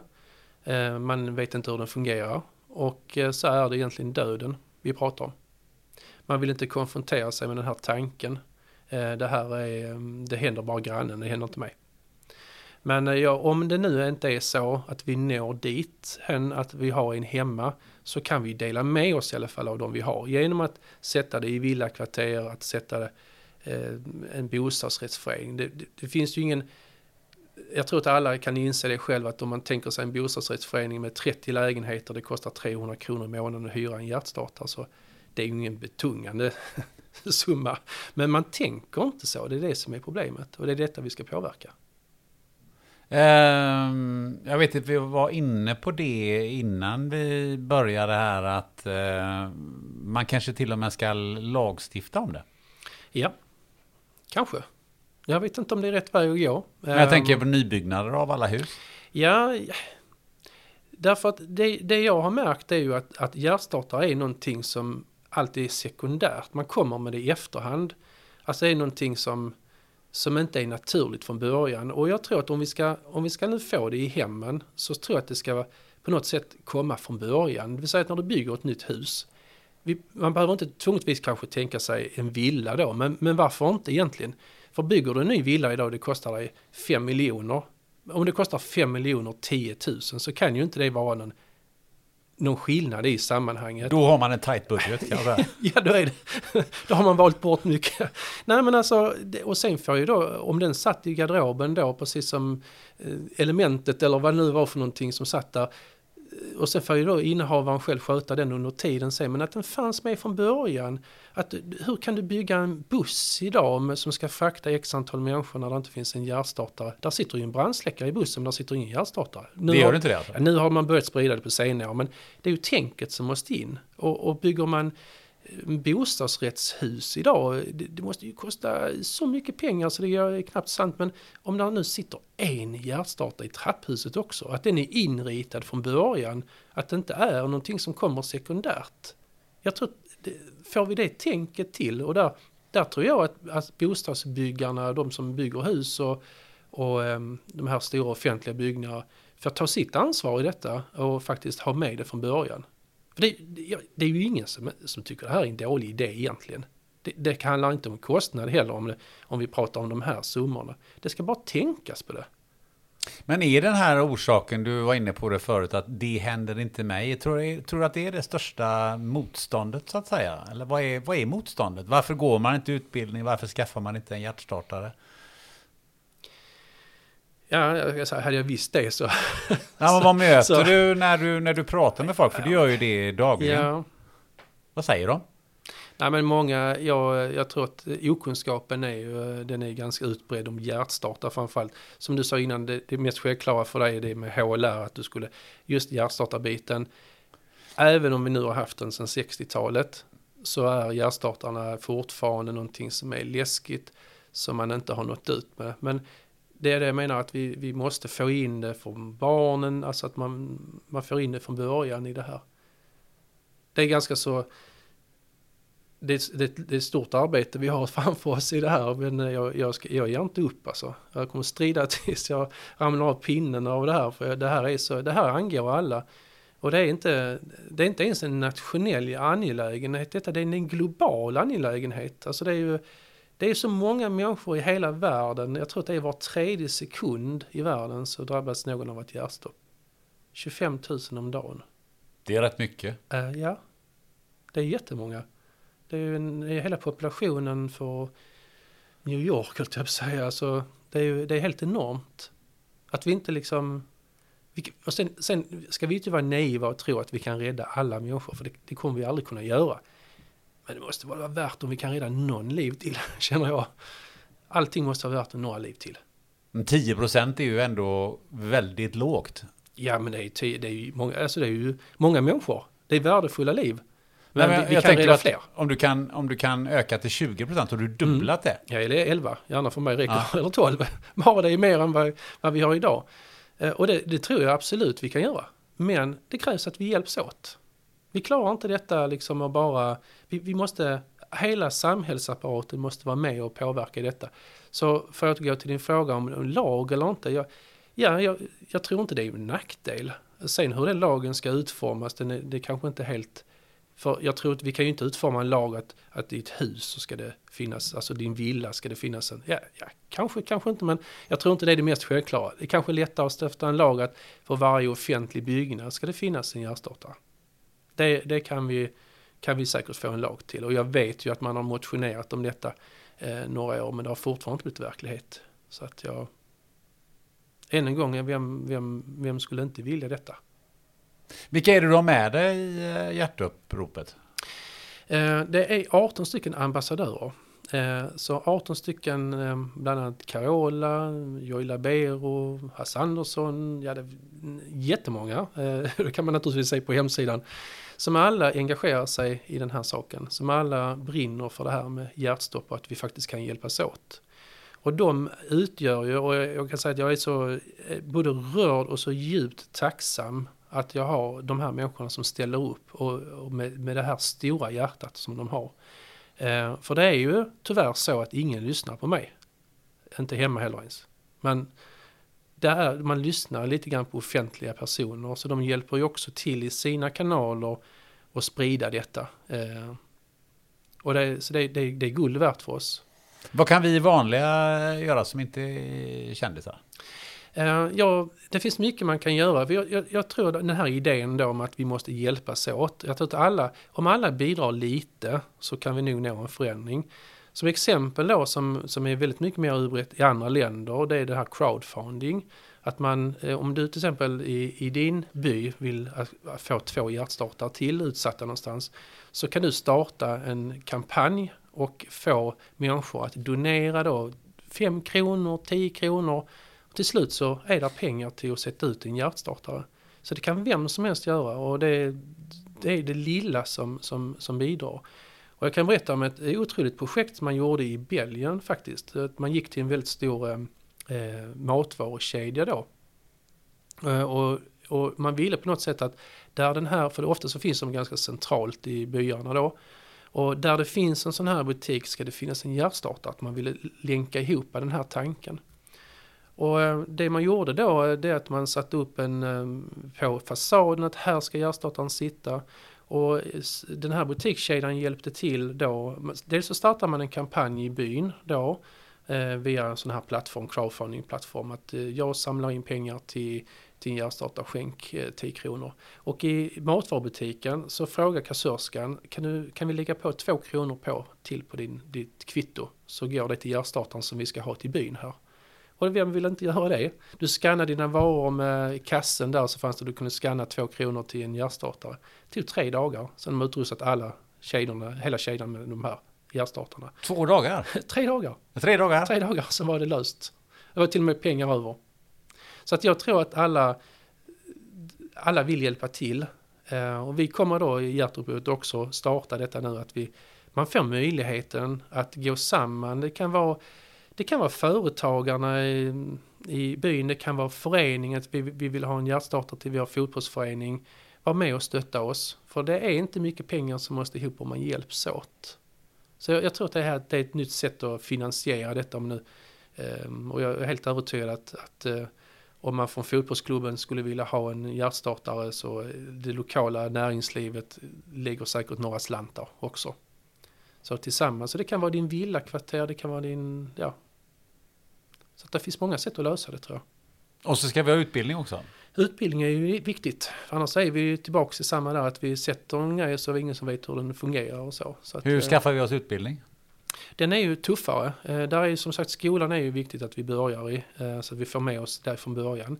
Sen måste det till utbildningar lokalt i varje och det finns ju organisationer idag som utbildar. Civilförsvaret är en sådan. Röda Korset har väl inte så mycket idag längre med utbildningar men det finns, ehm, det är ju samma där, där kan vi också hjälpas åt. Kommunen kanske, men det här, är ju, det här är ju inte en angelägenhet för fotbollsklubben, det är ju egentligen kommunen ju. Kommunen är ju, alla invånare i kommunen ska man ju eh, trygga. Kommunen har säkert någon lokal som de skulle kunna bjuda ihop eh, ett antal kvällar till och de som vill kan gå på en utbildning. Ja, finns hur många sätt som helst. Men än en gång, vi måste börja tänka på det, vi måste hjälpas åt.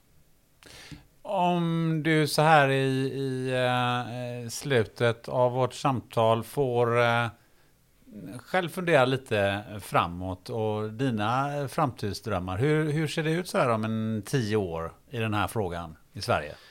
Ehm, ja, om tio år så är jag, övertygad att jag har eh, lyckats få eh, styr på alla skolorna i landet. Så att vi börjar i rätt ända, att vi får barnen utbildade. Ehm, jag eh, ser också framtiden att det finns en lag på hjärtstartare. Ehm, och att man kanske skärper upp de här kraven också på arbetsgivarna att det eh, faktiskt på din arbets... Det är ju, där finns ju en lag idag i arbetsmiljölagen säger ju att du ska ha utbildning i hjärt och lungräddning. Det regleras, det regleras inte om hjärtstartare. Men det står i arbetsmiljölagen att du ska ha människor beredskap, kunna HLR, du ska repetera den kunskapen. Men att man styr upp det lite grann mer, hur ofta ska vi repetera den, hur många ska delta och så vidare, att vi blir mer tydliga. För då får vi med oss arbetslivet också, alla som är i arbetslivet får med oss skolorna. Och sen får vi försöka lokalt få eh, fler kommuner att ta. För de flesta kommuner idag har, har faktiskt satsat och gjort, eh, man har ju tagit pengar från skattebetalarna och köpt hjärtstartare. Vi ska bara utnyttja dem lite bättre och se till att människor kan använda dem. Så där har kommunerna mer att göra och jag är helt övertygad att vi har fått med oss kommunerna i detta. Så eh, det är också nu för hjärtuppropets sida att vi ska hugga kommunerna helt enkelt. Hugga kommunerna tror jag är, får bli eh, eh, slutordet i eh, det här eh, samtalet. Eh, du har ju varit på, på tv och några gånger och lite presskonferenser och sådär. Men det här är nog din första podd. Hur tycker du att det här samtalet har känts? Nej men det är lugnt och du är inte så farlig som de har sagt. Nej, Nej men jag tror att det, det är viktigt. Jag har jag kan tycka att den här saken är så stor. Eh, jag har väldigt svårt att komprimera den på två minuter på tv då. Eh, och det har varit en otrolig upplevelse för mig. Jag har aldrig i mitt liv varit i en podd och jag har inte varit på tvn heller.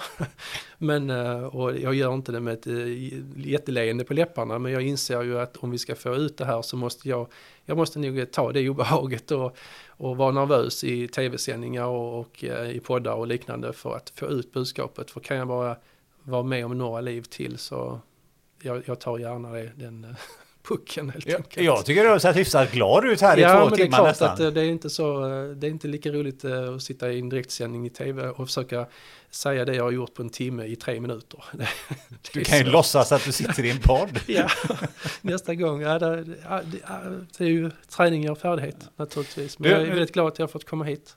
Ja, härligt. Kan jag inspirera människor att, att ta vid, för det är en stafettpinne. Så bara kom igen nu Sverige, vi kan detta, bara vi hjälps åt. Um, om du skulle vilja eh, se någon i den här podden som jag intervjuar, vem skulle det kunna vara? Jag skulle säga Lasse Kroner. Varför då? Han eh, har ett stort hjärta och driver något som heter Glädjeresan. Eh, som handlar om att samla in pengar till, i detta fallet så står han till att utrusta ålderdomshemmen med tv-apparater så de gamla hade någon möjlighet att kunna se tv också istället för den här 32-tummaren de hade från kommunen. Är han med i hjärtuppropet också? Han är en av ambassadörerna. Mm, så bra, så den eh, kontrakten kan du förmedla? Absolut, ja. spännande herre. Är det. Ja, ja, det tror jag säkert. Det är faktiskt eh, någon jag har tänkt på, på tidigare vid, vid några mm. tillfällen. Mm. Um, du, om man nu vill ha tag på dig, eh, veta mer om det vi har pratat om här, eh, ge oss eh, hur man gör. Man går in på hjärtuppropet.se och när ni ändå är där så är det en viktig sak jag vill säga. Vi håller på att göra en namninsamling för att påverka politiker. Skriv under denna namninsamling så vi blir många människor som kan påverka. Det är bara ditt namn och din mailadress så kan vi påverka. Så hjärtuppropet.se eh, Björn Jordeland, ett stort, stort tack att du ville ha med den här podden. Och tack för att fick komma hit. Vad trevligt.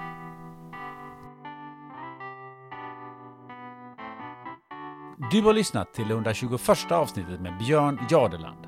Gillar du spännande möten extra mycket och inte kan hålla dig till nästa avsnitt? Gå då in på Patreon.com och teckna ett abonnemang så får du lyssna till alla kommande avsnitt i reklamfri version fyra dagar före alla andra. Nästa avsnitt ja, då kommer du få lyssna till Dalila Adilagic rektor på NTI-gymnasiet i Kristianstad som tack vare sin bosniska bakgrund begränsade en skolattack som kunde slutat riktigt illa. Ett superspännande och till viss del ganska läskigt avsnitt. När vi spelar in det här avsnittet så vankas det semester 2022. Då vet du vad du gör. Du sätter dig med en vän, tar något gött att dricka och funderar på alla saker ni ska göra före julafton. Ha det gött!